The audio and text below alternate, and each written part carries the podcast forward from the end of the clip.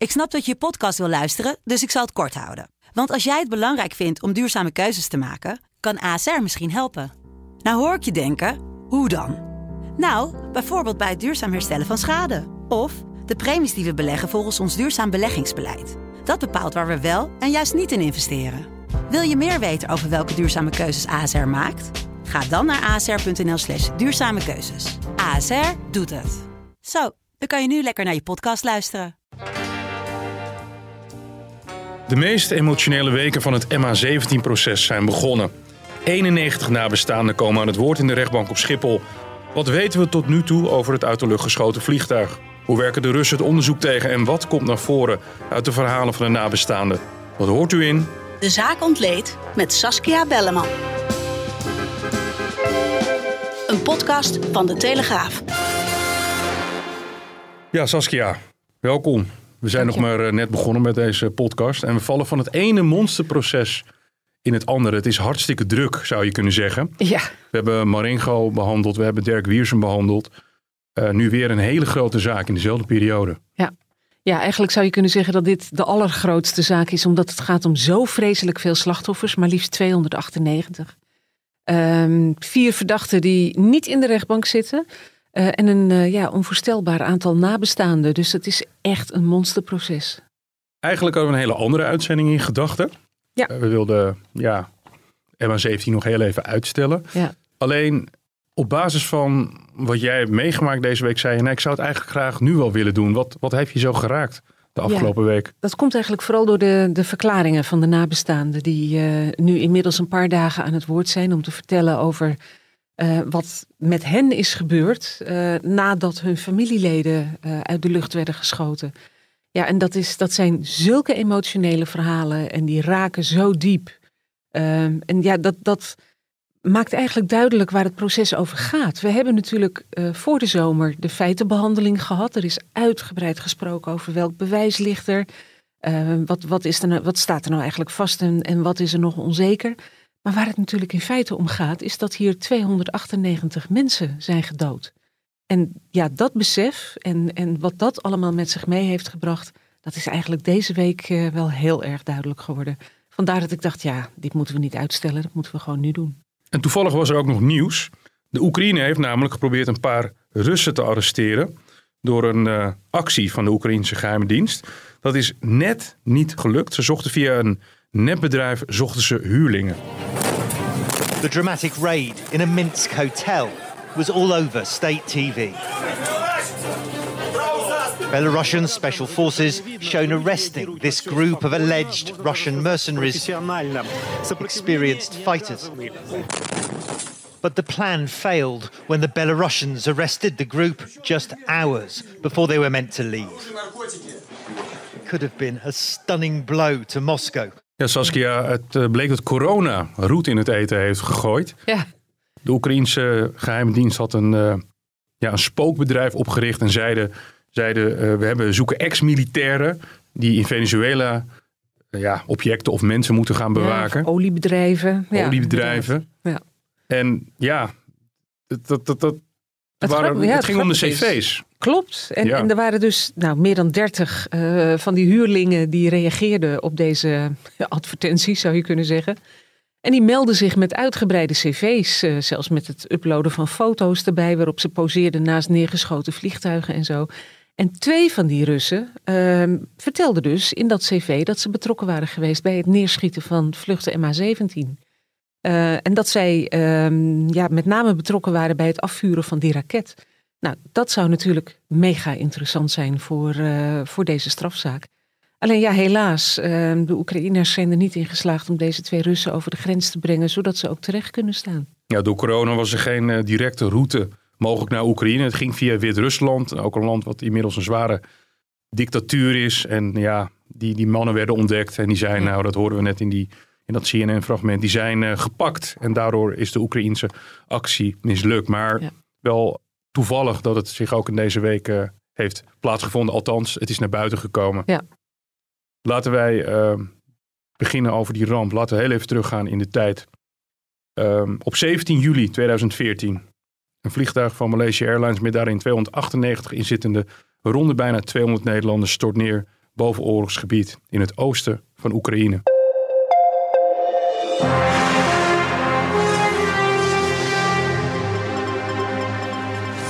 Goedemiddag, u kijkt naar een extra NOS-journaal in verband met nieuws uit Rusland.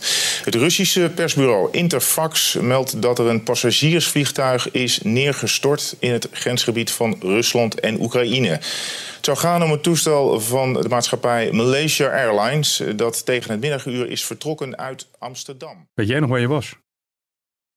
Nee, niet precies meer. Ik, volgens mij was ik gewoon aan het werk toen ik het hoorde. En ik weet wel dat toen duidelijk werd dat het ging om een, uh, een vlucht met Nederlanders, dat uh, alles zo'n beetje tot stilstand kwam en we eigenlijk alleen nog maar daarmee bezig waren. We zijn nu inmiddels zeven jaar verder. Dat vind ik ook altijd een hele rare reality check. Ja. Dat het alweer zeven jaar geleden is. Ja. Ook die indrukwekkende beelden van, van die kisten. Ja. Die toen uh, met een grote tocht, tour door Nederland heen uh, ja, Met al gebracht. die mensen op die viaducten die stonden uh, ja, te, te, applaudisseren, bloemen gooiden. Heel indrukwekkend. Zeven jaar verder, is er nou nog enige twijfel dat het gegaan is zoals het Openbaar Ministerie nu zegt, dat er een boekraket aan te pas is gekomen om die rebellen te ondersteunen? Ja, het hangt er een beetje vanaf van wie je het vraagt, denk ik. Uh, als je het vraagt aan het onderzoeks, aan het Openbaar Ministerie en het Joint Investigation Team, waarin de verschillende landen zijn verenigd, dan is daar geen speld meer tussen te krijgen. Het was een bukraket uh, die vlucht MH17 heeft geraakt en daardoor is, is het toestel neergestort. Zou je het vragen aan de verdediging van de enige verdachte die zich laat vertegenwoordigen door advocaten, dan, dan krijg je te horen van nou nee, er is onvoldoende onderzoek geweest naar alternatieve scenario's. Het zou best kunnen dat het heel anders is gegaan. En zou je het vragen aan de Russen, ja, dan krijg je weer een ander antwoord. Die zeggen uh, de Oekraïners hebben uh, geschoten op vlucht MH17 en vervolgens hebben uh, de Russische separatisten met een, een gevechtsvliegtuig die Oekraïners uit de lucht geschoten. Nou ja, allerlei verschillende scenario's. Voor het Openbaar Ministerie staat na uitgebreid onderzoek gewoon vast. Het was een bukraket en die is afgevuurd door Russische separatisten vanaf een landbouwveldje in Oost-Oekraïne bij de plaats Pervomaisky. Om er zeker van te zijn hebben ze elke vierkante kilometer, 50 vierkante kilometer, hebben ze ja. afgezocht naar sporen van eventueel nog een ander vliegtuig ja. zelfs. Hè? Geen scherf van teruggevonden. Kijk, het scenario waaruit je zou, zou kunnen opmaken van nou, het is, uh, het is misschien toch zo dat een, een gevechtsvliegtuig MH17 heeft neergehaald. En dat vervolgens dat gevechtsvliegtuig is neergehaald. Ja, dan zou je dus ook brokstukken moeten vinden van dat gevechtsvliegtuig. En daar is echt niets van teruggevonden. Wat mist is het toegeven van een uh, geopolitiek groot land. Ja. De Russische federatie van ja, foutje geweest van onze kant. Ja, want dat is wel een beetje een beeld dat, uh, dat we hebben gekregen van die feitenbehandeling. Dat uh, het eigenlijk de bedoeling was van die Russische separatisten om die buk, met die bukraket de Oekraïners uit de lucht te schieten. Zij, zij, uit afgeluisterde telefoongesprekken werd duidelijk dat zij zeiden: ja, we leiden hier zware verliezen. En die gevechtsvliegtuigen van die Oekraïners, die kunnen we niet raken, want die, schiet, die, die vliegen te hoog. En we worden hier in de pand gehakt, help ons. Nou, vervolgens is, uh, is er overleg geweest tussen die vier verdachten, onder andere uh, met anderen. En is er een bukraket aangevoerd vanuit Rusland, die vervolgens is opgesteld in dat landbouwveldje met de bedoeling om die Oekraïense gevechtsvliegtuigen uit de lucht te schieten. En ja, wat ze vervolgens hebben gedaan, is een burgervliegtuig uh, raken. En uh, er is op een gegeven moment een, uh, een serie telefoongesprekken waarin je dus eerst duidelijk hoort praten tussen die verdachten over een bukraket. Maar vanaf het moment dat ze duidelijk wordt dat ze misschien wel per ongeluk een, burgerlucht, een burgervliegtuig hebben geraakt, hebben ze het opeens in versluierende termen over een doosje, en het speelgoed dat zo snel mogelijk moet worden afgevoerd. En dat gebeurt ook. Als een soort dief in de nacht wordt dat ding zo snel mogelijk weer over de Russische, grach, uh, Russische grens gebracht. Die boekraket en, boekraket, uh, en ja. die drager, dat, dat, ja. dat rupsvoertuig. Waar ja, het, de, de Telar-installatie noemen ze dat. Die wordt gebruikt voor het, het afvuren van zo'n boekraket. Jij gebruikt de term al een paar keer. Het Joint Investigation Team, het JIT. Ja. We hebben ook nog de burgerjournalisten van onderzoekscollectief Bellingcat. Die hebben beide een cruciale rol gespeeld in dit proces. Het JIT, daar kunnen we misschien wat korter over zijn, dat is het onderzoeksteam van het Openbaar Ministerie. Ja, niet alleen van het Openbaar Ministerie. Het is het team waarin uh, de getroffen landen samenwerken. Dus daarin zit niet alleen Nederland, maar ook Australië, Maleisië, België en Oekraïne. En die werken met elkaar in dit onderzoek. Ehm, en ja, al, alle, alle resultaten gaan dan vervolgens naar het Openbaar Ministerie, dat daar die strafzaken op baseert. En dan hebben we dat onderzoekscollectief Bellingcat. Die hebben volgens mij een hele belangrijke rol gespeeld, als ik het me goed kan herinneren. In al die filmpjes van die boekraket. Ja. Die, hebben, die hebben eigenlijk een beetje die hele, dat hele spoor van die boekraket kunnen volgen. Ja, en dat is ook gebruikt in de strafzaak. Ehm, die hele tocht van die bukraket vanaf de Russische grens naar Pervomaisky. Dat is inderdaad eh, ontrafeld, is ook in beeld gebracht. Dashcam-video's, foto's, ehm, satellietbeelden. eh, op alle mogelijke manieren is die route in beeld gebracht tot de plek waar die uiteindelijk is neergezet. En ook daar zijn luchtfoto's van, waarop je kunt zien dat daar ehm, op 16 juli nog niks aan de hand was. En op 17 juli zie je daar opeens een verbrande plek midden in dat, in dat veld. Waar die bukraket is, eh, is afgevuurd. Dat, dat is natuurlijk met enorm veel hitte gepaard gegaan. Ehm, ja, en daar is Bellingcat een hele belangrijke speler eh, in geweest. En eh, zij hebben ook op meerdere gebieden nog wel het een en ander eh, voor elkaar gekregen. Want zij hebben ook eh, uitgevist dat ja, Rusland op grote schaal allerlei desinformatie verspreidde. Zo zijn er ja, complottheorieën verspreid. Er zijn allerlei, ja, is allerlei misinformatie is er de wereld ingeschopt. En dat is onder andere ook gedaan door een, een Nederlandse journalist in samenwerking met een Russische journalist die samen een Engelstalig platform hadden opgericht. Dat heet Bonanza Media. En die hebben daar allerlei verhalen op gepubliceerd over MH17 en, eh, en het onderzoek daarna, daarnaar. En ook allerlei onderzoeksresultaten van dat Joint Investigation Team in twijfel getrokken. Nou, Bellingcat heeft een belangrijke rol gespeeld bij het ontmaskeren van dat Bonanza Media. Ik heb wel eens begrepen dat in Rusland extreem veel dashcams zijn. Omdat daar altijd gedoe is met autoriteiten en met bewijslast over Ja. aanrijdingen. En dat heeft zich nu eigenlijk heel erg tegen de Russen gewerkt. Ja, want eh, van die dashcambeelden heeft eh, het Openbaar Ministerie natuurlijk dankbaar gebruik gemaakt. Kijk, en je kon dat natuurlijk niet zomaar doen, want die dashcambeelden die kunnen gemanipuleerd zijn. Dus alle beelden die ze kregen zijn onderzocht op manipulatie. Dus dan moet je denken aan, eh, klopt het tijdstip waarop die dashcam eh, zegt dat hij, dat hij dat beeld van die raket eh, onderweg naar dat landbouwveldje heeft opgenomen, wel met de schaduwval. Klopt het met die vrachtwagen die ernaast rijdt? Zijn er inderdaad dat soort bomen daar in dat gebied? Allemaal gecheckt, allemaal gecontroleerd om allerlei ja, gemanipuleerde beelden eruit te kunnen filteren. Je zei net al, er is flink tegengewerkt door de Russen. Ja. Kun je een voorbeeld geven waarin duidelijk is dat de Russen een soort van ja, alternatief scenario naar buiten hebben willen gooien? Nou, er was bijvoorbeeld een, een meneer die eh, inderdaad vertelde dat hij dat transport had gezien van die bukraket. En die had daar ook beelden van gemaakt. En die heeft bezoek gekregen van de Russen en eh, werd min of meer gedwongen om te zeggen dat hij dat filmpje een dag voor de ramp had gemaakt. Dus dat die bukraket ergens anders naartoe aan het rijden was, dat dat niet op de dag van de ramp was. Eh, nou, dat filmpje is op YouTube geplaatst. Eh, dat kan iedereen nog nakijken. En daarin vertelt die man dus van nou nee, nee, eh, dat heb ik niet op 17 juli gefilmd of in de aanloop naar 17 juli, maar dat was al veel eerder. En er is nog een ander akkefietje geweest met een, een man die zich voordeed als luchtverkeersleider. Die ook allerlei verhalen vertelde die later totaal niet bleken te kloppen. En deze luchtverkeersleider bleek een Roemeense oplichter te zijn die door de Russen was betaald om, om te vertellen wat hij vertelde.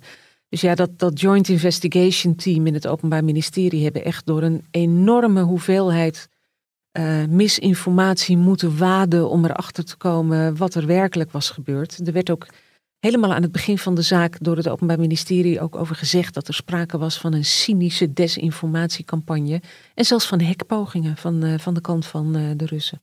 Wat verder nog opvalt, kunnen we het later ook nog even over hebben, is dat de Amerikanen hebben geweigerd bepaalde radarbeelden te geven. Ook Ja. in verband met dat dat geheime spionageapparatuur is en dat je dan zou kunnen lokaliseren van hoe zij precies alles en iedereen observeren. Ja, precies. Ja, dat is heel wrang eigenlijk. Want zij hebben meegedeeld dat, eh, dat het afvuren van de raket, de baan van de raket en zelfs het treffen van vlucht MH17 eh, door die, eh, die satelliet in beeld is gebracht. Maar ze weigeren tot op de dag van vandaag die beelden vrij te geven. Er is wel een officier van justitie geweest die een deel heeft mogen bekijken. eh, maar nog niet eens echt de originele beelden. Dus ja, ehm, er werd ook tijdens de zaak voor de zomer al gezegd van we geven het nu op. We hebben meermalen gevraagd om, uh, om medewerking van de Amerikanen. We willen heel graag die satellietbeelden hebben, maar ze willen ze niet geven. Eigenlijk best een harde boodschap als je al dat menselijk leed in je achterhoofd hebt en dat het een bondgenoot is op papier. Ja, op papier dus, hè? dat blijkt maar weer. Ja, en dat bondgenootschap heb je in dit soort omstandigheden blijkbaar niet zoveel. We gaan even terug weer in de tijd. Een dag na de ramp liet premier Rutte weten dat Nederland de onderste steen boven zou krijgen. En als duidelijk wordt dat dit een aanslag was, dan zal ik er mij persoonlijk voor inzetten dat de daders worden opgespoord en hun gerechte straf krijgen. Eerder zullen we niet rusten. Ja, Saskia, op dat punt zijn we nu beland. Mark Rutte heeft hier wel een behoorlijke verwachting gecreëerd. Eigenlijk was dit ontzettend kort ja. na de aanslag. Ik, laat ik het aanslag noemen. Zou je kunnen zeggen dat dat slim van hem is geweest met de wijsheid achteraf? Nou ja, ik denk dat hij, uh, dat hij het echt wel meende op het moment dat hij het uitsprak. Maar zoals je dat wel vaker ziet in politiek Den Haag. Uh, als er iets groots gebeurt, dan worden er ook grote woorden gebruikt. En uh, ja, je moet altijd maar afwachten wat er uiteindelijk van waar wordt gemaakt. Dan moet ik zeggen dat ehm, er natuurlijk wel heel veel bewijs is verzameld in die tussentijd. En dat er vier verdachten, vier mannen als verdachten zijn aangemerkt. Dus het is wel zo dat, uh, dat er uh, van alles aan wordt gedaan. Je kunt nog niet echt zeggen dat de onderste steen al helemaal boven is. Dat onderzoek dat loopt nog steeds. Maar ja, ter verzachting moet ik ook aanvoeren. Het, het is natuurlijk een oorlogsgebied. we hebben te maken met Oekraïne en met met name Rusland. dat eigenlijk, zelfs als het een vergissing blijkt te zijn geweest, liever de, de eigen rol niet wil opbiechten, niet wil meewerken aan de berechting van de verdachten. Uh, dus ja, dan kun je beloven dat de onderste steen boven komt. Dat heeft hij natuurlijk gezegd voordat het überhaupt duidelijk was wat er was gebeurd. Maar uh, lastig in zo'n geval. Het kabinet daagt Rusland voor het uh, Europees Hof voor de Rechten van de Mens. Ja. Dat is eigenlijk al, klinkt dat al als een soort van papieren tijger. Ja. Wat moeten ja. we daarvan verwachten? Nou, niet heel veel, denk ik. misschien dat op de een of andere manier, als er een, een uitspraak komt van het Europees Hof de nabestaanden daar nog iets mee kunnen in de zin van een schadevergoeding.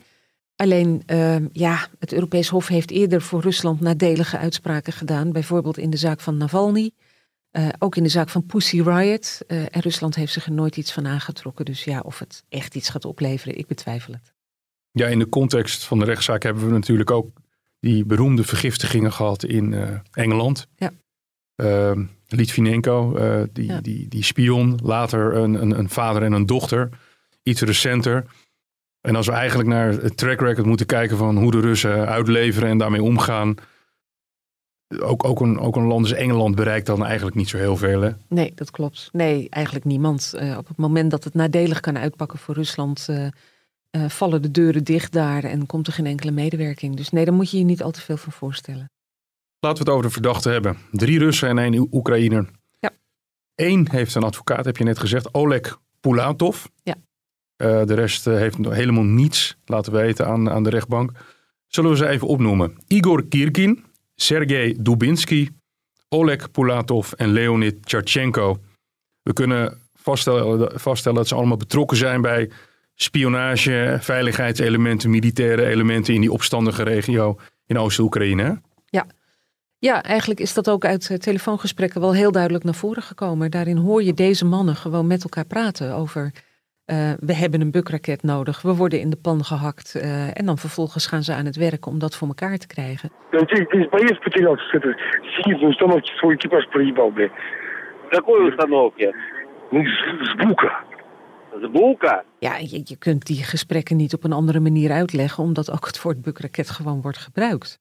Alleen wat er ook wel uh, duidelijk uit naar voren komt, is, uh, is dat het waarschijnlijk toch echt bedoeld, uh, of eigenlijk bedoeld was om de Oekraïners een slag toe te brengen en niet zozeer om een civiel vliegtuig naar beneden te halen. Ik meen dat die Igor Gierkin echt degene is die, die, die, die over de telefoon hoort zeggen van we worden afgeslacht hier, ja. we hebben luchtsteun nodig of we hebben, we hebben, we hebben steun nodig. Ja. Ja, maar je hoort dus ook gesprekken met, met Pulatov, die daar in dat oorlogsgebied zit. En ja, ook zegt dat die gevechtsvliegtuigen van de Oekraïners veel te hoog vliegen. Dat ze die dus niet kunnen, kunnen raken. Um, dan noemt Dubinsky op een gegeven moment de mogelijkheid van een, uh, een bukraket. Uh, waar, die natuurlijk een veel groter bereik heeft. Waarmee ze die gevechtsvliegtuigen wel zouden kunnen raken. En Tjarchenko, de enige Oekraïner in het gezelschap, eh, was een van de mannen die het, eh, het eh, transport van die raket begeleiden. Weten wij iets over hun op dit moment? Waar zij wonen? Nee, eigenlijk niet. Zijn, er, Nee. wanneer, zijn ze ooit nog wel eens in de openbaarheid verschenen? Weten we iets? Nee, er is ooit wel eens een van de vier, en ik meen dat dat Kirkin was, heeft ooit nog wel eens iets gezegd in een interview. Eh, maar eigenlijk gewoon om aan te geven, ik heb er geen bal mee te maken. En eh, nee, natuurlijk ga ik niet naar Amsterdam. Ik, eh, ik zie geen enkele reden waarom ik dat zou doen. Iedere verantwoordelijkheid wordt afgewezen. En nee, dus geen van vieren eh, zal plaatsnemen in die verdachte bank. Hoewel er eentje is dus die zich wel laat vertegenwoordigen door een advocaat. Ik wil er nog één vraag over stellen. Jij hebt het over Pulatov, Mhm. zijn advocaten. Weet jij of er contact is met meneer Pulatov en de advocaten? Ja, dat is er. We hebben daar ook beelden van gezien. Ehm, zij hebben eh, opnames gemaakt van gesprekken die ze met hem hebben gehad over een aantal vragen die leefden. En ehm, dat, is, dat is in de rechtbank ook getoond. Dus wij weten dat ze contact hebben gehad. Dat ging in eerste instantie erg moeizaam, omdat de advocaten natuurlijk vanwege corona niet in staat waren om, eh, om naar hem toe te gaan. Eh, en ja, je kunt dat doen via een videogesprek, maar met tolken daartussen en zo wordt de communicatie dan wel heel erg lastig. Dus dat heeft eh, behoorlijk wat vertraging opgeleverd, maar uiteindelijk zijn die gesprekken zijn er wel geweest en dat contact is er dus. En ze zijn in staat om ook een behoorlijke verdediging op te bouwen. Ja, wat ze tot nu toe eigenlijk zeggen is dat zij vinden dat het Openbaar Ministerie en dat Joint Investigation Team onvoldoende onderzoek hebben gedaan naar alternatieve scenario's. Ehm, er is op een gegeven moment een bezoek geweest van de rechtbank aan eh, dat, het, eh, zeg maar het gereconstrueerde toestel in Gilserijen. Dat staat daar in een loods opgesteld. Het is het beroemde voorste beelden. deel van het toestel. Ja, precies. Heel indrukwekkend als je daar doorheen loopt. Waarin je overigens ook die fragmentatie Ja, delen ziet. Hè? je ziet zelfs gewoon de vlindervormige inslagen in die cockpit en die staafvormige inslagen. Dus ja, dat is. eh, En je ziet ook dat het metaal verwrongen is van buiten naar binnen. Dus duidelijk dat eh, de inslag van buiten kwam. Eh, maar er zijn dus ook iets van 80 containers, meen ik, met andere brokstukken. En ja, die zijn in containers gestopt. Die zijn geloof ik wel globaal onderzocht. Maar niet heel intensief. En eigenlijk zouden die advocaten ook een deskundige van hen die brokstukken wil- willen laten onderzoeken. Nou, dat is meermalen gevraagd aan de rechtbank. Het is afgewezen omdat de rechtbank zegt, ja, ehm, die gereconstrueerde cockpit en dat voorste deel van het vliegtuig en alles wat er wel ehm, staat opgesteld in Gilserijen, dat zegt eigenlijk wel voldoende. Het lijkt me heel bizar, want het zijn Nederlandse advocaten. Ja. Het lijkt me heel bizar als Nederlandse advocaat in een soort van nationaal trauma Ja, te moeten optreden. Een van de grootste luchtrampen. Nou ja, het is niet eens zozeer een, een luchtramp, is nog misschien dat gebeurt per ongeluk. ja. Het is een opzettelijke is aanslag, bijna geweest. Ja, ja. Dat, je die men, dat je die moet verdedigen. Ja, maar in die positie zitten natuurlijk advocaten in strafzaken eigenlijk altijd. Het is een hele ongemakkelijke positie, want ja, je vertegenwoordigt natuurlijk iemand eh, naar wie de sympathie van zo'n beetje niemand uitgaat. En dat, dat merken advocaten ook wel. Ook deze advocaten hebben echt het nodige naar hun hoofd gekregen. Echt, die zijn voor rotte vis uitgemaakt, of soortgelijke bewoordingen. Eh, terwijl wat zij doen natuurlijk gewoon hun werk is. Zij proberen een verdachte zo goed mogelijk bij te staan.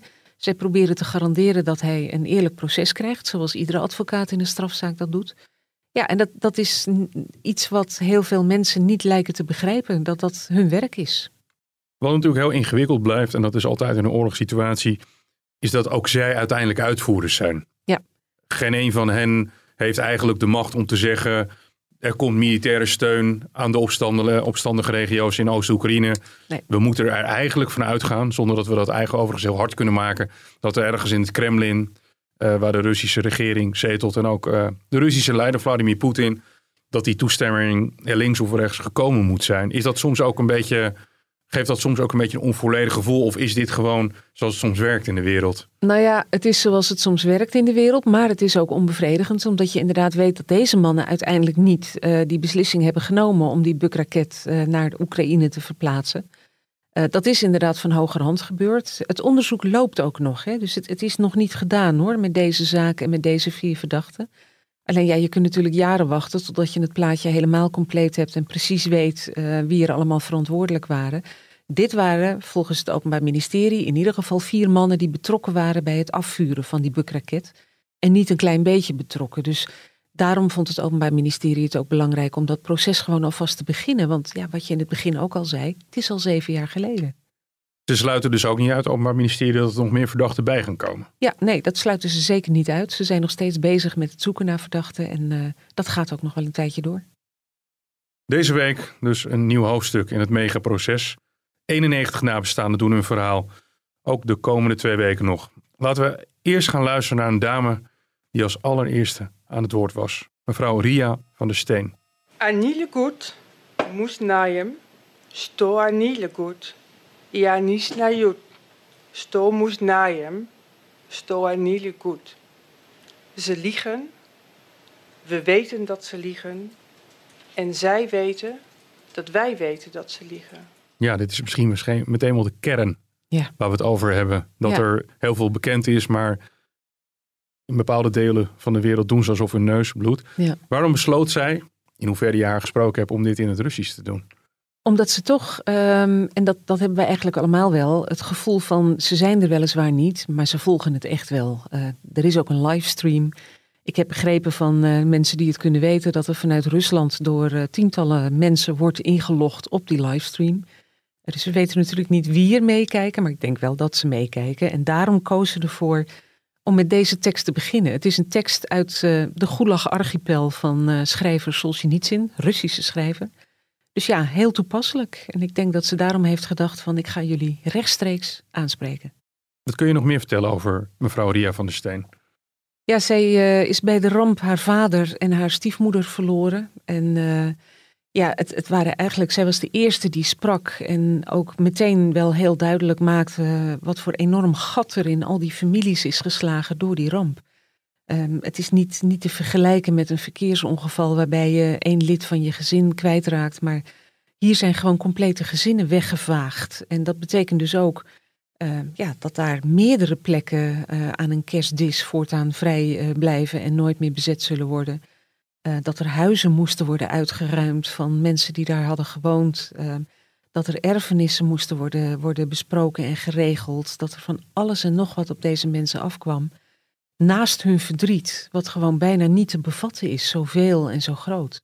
En dat heeft diepe kraters geslagen. Dus ja, mensen zijn, uh, vertelden ze ook tijdens die dagen. er, er zijn er meerdere die vertelden dat ze een posttraumatische stressstoornis opliepen. Mensen die kampten met depressies, met concentratiestoornissen, die niet meer in staat waren om te werken en dus ook hun baan kwijtraakten. Er was een meneer die vertelde van ja, die, die, de meneer die zijn, uh, zijn 17-jarige dochter Else Mieke kwijtraakte, die zei van ja, en dan moest ik vervolgens bij de bank waar ik werkte met een klant gaan praten die vond dat hij te veel rente betaalde. Ik kon me er gewoon niet toe zetten. Als je zoiets groots meemaakt, dan is alles natuurlijk, alles valt in het niet vergeleken daarbij. En ja, wat Ria van der Steen heel duidelijk uh, vertelde was uh, dat afschuwelijke proces dat ze bijna allemaal hebben meegemaakt van wachten op het moment dat hun geliefden werden gevonden en geïdentificeerd. En de meeste slachtoffers zijn gewoon in stukjes teruggevonden. Dus ja, wat Ria uiteindelijk terugkreeg waren twee hele kleine kistjes met, met twee zakjes erin met een paar botjes. Het begon met een, een botje van twee centimeter uit de hand van haar vader. En dat werd in de weken daarna gevolgd door meer lichaamsdelen, maar dat is het enige wat ze ooit hebben kunnen terugvinden. En dat geldt dus voor heel veel mensen, dat, er, ja, dat ze hun geliefde in, in kleine stukjes terugkregen. En dat is zo gruwelijk als je dat hoort. Er waren mensen die na de vondst van de eerste lichaamsdelen crematies en begrafenissen organiseerden, maar die daarna nog drie keer een crematie of een begrafenis uh, hebben gehad.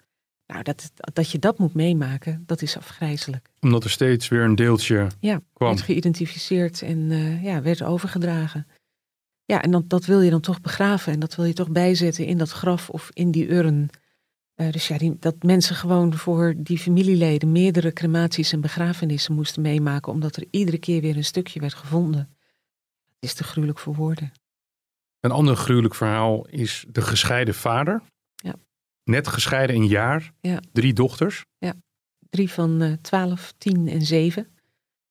Uh, er werden ook tijdens dat, dat uh, uitspreken van de nabestaande verklaringen foto's getoond van degenen die waren omgekomen. Dus dan, ja, dan zit je te kijken naar een hele vrolijke foto van drie blonde meiden uh, lachend, spelend. En die gingen op vakantie met hun moeder en, en haar vriend, meen ik. Ehm, ja, en die zijn dus allemaal omgekomen.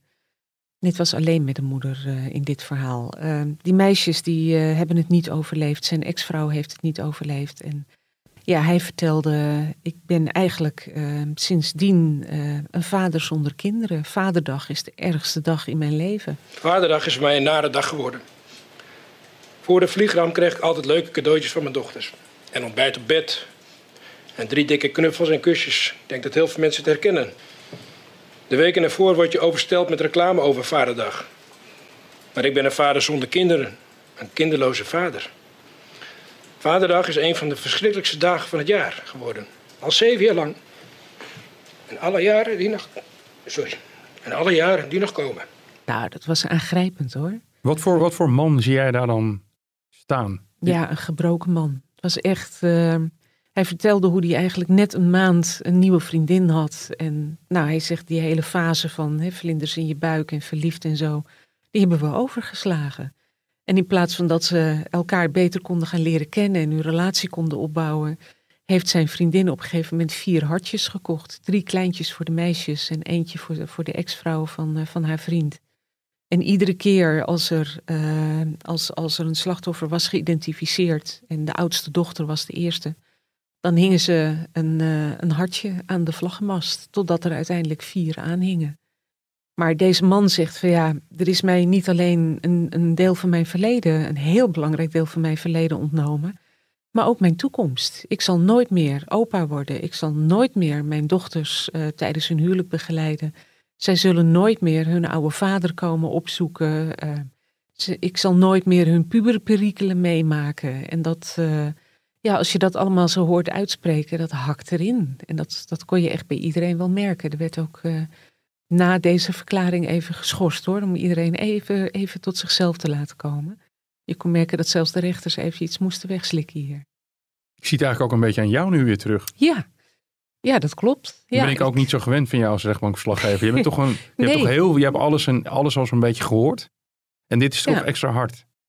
Ja, weet je, het is nabestaande en slachtofferverklaringen zijn tijdens strafzaken altijd de meest emotionele momenten, omdat je je dan realiseert wat er eigenlijk is aangericht in het leven van mensen. En nu was het zo, ja, een, advocaat zei, het is net alsof je bij een crematie zit die de hele dag duurt en dan ook tien dagen achter elkaar. Dus dat is super emotioneel. Dat is echt, uh, ja, dat, dat is bijna niet te bevatten. Als je al die verhalen langs hoort komen en wat dat met die mensen heeft gedaan. Dat is heel erg aangrijpend. We zijn gewend van uh, nabestaanden die praten in, uh, in de rechtbank. Dat ze zich richten op de verdachte. Dat is dan ja. vaak ook een, een, een mechanisme. Een, wat, op dat moment kun je het aan iemand kwijt. Zo van, kijk wat jij mij allemaal heeft na, hebt, nage, hebt uh, aangedaan. aangedaan ja. Dat was, daar is nu geen sprake van, omdat de verdachte... Er is één advocaat aanwezig. Ja, twee van één verdachte. Twee ja, van één verdachte. Da, daar is nu geen sprake van. Nee. Nee, dat zit ze ook dwars. Dat ze ze niet in de ogen kunnen kijken. Alleen dat hebben ze wel vanaf het begin geweten. En ook, nou ja, zich daar noodgedwongen bij moeten neerleggen. Uh, het werd laf gevonden. Er was ook iemand die zei van ja, ik had heel graag die verdachte in de ogen willen kijken om ze te vragen. Heb je nou nooit één seconde nagedacht voordat je die knop indrukte van waar ben ik mee bezig? En moet ik dit eigenlijk wel doen? Uh, dus ja, dat is extreem frustrerend. En toch hebben ze het gevoel van we willen het vertellen. We willen dat de hele wereld het weet. En ja, wie weet dringt het ook door tot die verdachten. En ze hebben toch, dat spraken sommigen ook uit, niet helemaal de hoop opgegeven dat er misschien ooit iemand zegt van nou, ik, ik, als ik dit allemaal hoor, ik vind het zo verschrikkelijk, ik ga nu gewoon openheid van zaken geven. Zijn die namenstaanden close met elkaar? Ik denk dat ze dat wel zijn geworden. Ja, er zijn er die uh, overduidelijk afstand hebben genomen. Die hebben gezegd van ja, ik wil verder met mijn leven en ik kan dat niet als ik daar de hele tijd mee bezig blijf. Dus die hebben er bewust voor gekozen om dat, uh, om dat niet te doen. Maar bij iedere zitting tot nu toe zijn er heel veel nabestaanden aanwezig. En ja, die, uh, ze, hebben zich ook verenigd. Hè? Uh, en die hebben ongelooflijk veel steun aan elkaar. Ze herkennen natuurlijk het leed hè, bij elkaar. Ze hebben allemaal hetzelfde meegemaakt. Er zijn in al die families enorme gaten geslagen. En ja, ze krijgen in de praktijk te maken met mensen via social media bijvoorbeeld, die zeggen, maar ook letterlijk in hun gezicht van, joh, het is zeven jaar geleden, pak je leven weer op en uh, hè, uh, ga weer verder. En uh, ook mensen die zeggen van, ja, wat kost dat niet zo'n proces? Alsof je mensenlevens kunt uitdrukken in geld. Dus dat zijn ja, toch na het, het eerste begrip en de emotie van heel veel mensen bij het zien van al die, die, die kisten die naar uh, Hilversum werden gebracht voor de identificatie, uh, treedt er nu een soort vermoeidheid op van poeh, daar heb je die nabestaanden weer. Ja, en dat is natuurlijk hard. En de enige mensen die begrijpen wat zij doormaken, dat zijn die nabestaanden, die andere nabestaanden. Jij zei ook, sommige mensen willen helemaal geen beelden zien. Nee. En sommige mensen willen alles zien. Ja. Tot, tot aan die gruwelijke beelden die eigenlijk heel kort na de ramp op YouTube hebben gestaan. Ja. Russische televisie heeft ze ook uitgezonden waar je ook echt lichamen zag liggen en allerlei persoonlijke bezittingen. Sommige mensen die willen zich daar voortdurend bloot aan stellen. Ja, ja het is ook een, een vorm van verwerking. En bij de een werkt dat goed. Gewoon het idee van ik wil echt alles weten. Ik wil alles, alles gezien hebben en ik wil niet meer voor verrassingen komen te staan. Dus ja, die doen zichzelf dat aan. Ja, ik zou het niet kunnen, denk ik. Maar het werkt voor veel mensen wel zo. Maar er zijn inderdaad ook mensen die zeggen: ja, ik wil daar niet iedere dag mee geconfronteerd worden. En uh, ik ben ook als de dood dat ik in een van die lichamen mijn vader herken of mijn kind herken. Of dat ik plotseling persoonlijke bezittingen zie liggen die van mijn familieleden zijn geweest. Want dat is natuurlijk vreselijk confronterend. Dus ja, iedereen heeft zijn eigen manier om ermee om te gaan. Ik las ook in een van jouw verhalen dat er ook wat sieraden her en der teruggevonden zijn. Ja. En dan ook weer verwerkt zijn tot nieuwe sieraden. Ja, dat, uh, dat vertelde onder andere de man die zijn dochter, uh, zijn 17-jarige dochter Else Mieke kwijtraakte. Die uh, heeft een deel van haar ring laten verwerken in zijn horloge. Dus hij draagt iedere dag een stukje van zijn dochter nog bij zich. En hij heeft hoog in de Oostenrijkse bergen, op een plek waar zij altijd zaten met z'n tweetjes om uit te kijken over de pistes als ze aan het skiën waren, heeft hij een monumentje gemonteerd. Uh, en een jaar later bleek dat dat bankje was ingestort waarop hij dat had gedaan. Maar dat heeft hij gemeld bij de burgemeester van die Oostenrijkse plaats.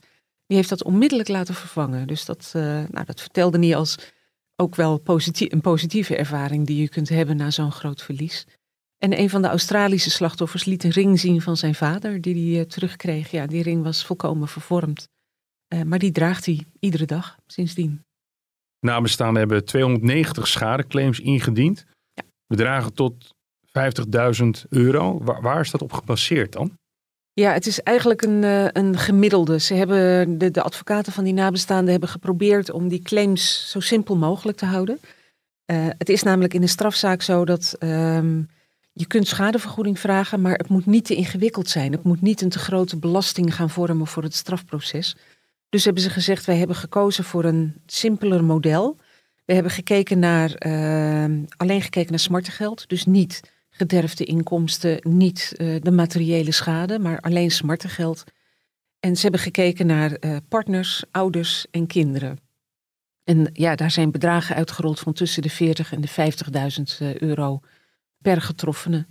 En dat is ja, om, om het toch eenvoudig te houden, omdat je anders het risico loopt dat er wordt gezegd: ja, nee, dit is te ingewikkeld om, om over te praten tijdens dit strafproces. Dat gaat de strafzaak overschaduwen. Gaan jullie met je claim maar naar de civiele rechter? En dat zou dan de Oekraïense civiele rechter moeten zijn. Nou, dat kan natuurlijk een proces van jaren worden. De rechtbank heeft speciale aandacht gevraagd voor mensen die niet in gezichtsverband uh, samenleven. Je, dat zeiden we net ook over die claims. Die zijn heel erg daarop gericht. Ja. Um, en vervolgens heeft een advocaat erop gezegd dat we moeten nadenken over wijziging in de wet op affectieschade. Want het, het hoeft dan niet meteen een, een, een, dochter of vader te zijn.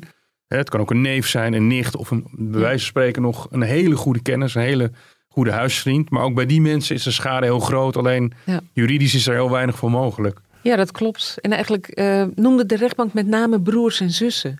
Die komen dus nergens voor in aanmerking, maar dat zijn wel de mensen die so in, in sommige gevallen de meeste gevolgen hebben ondervonden. Zoals bijvoorbeeld nou ja, het wegvallen van, van je broer en zus die jou hielpen bij uh, de mantelzorg voor je bejaarde ouders.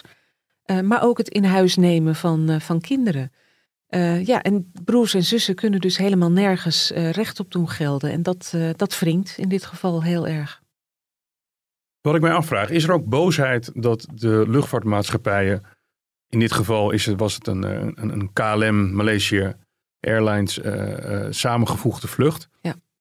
Er zijn luchtvaartmaatschappijen die niet over Oekraïne heen zijn gevlogen. Die hebben gezegd van er zijn al militaire toestellen op lagere hoogte neergehaald.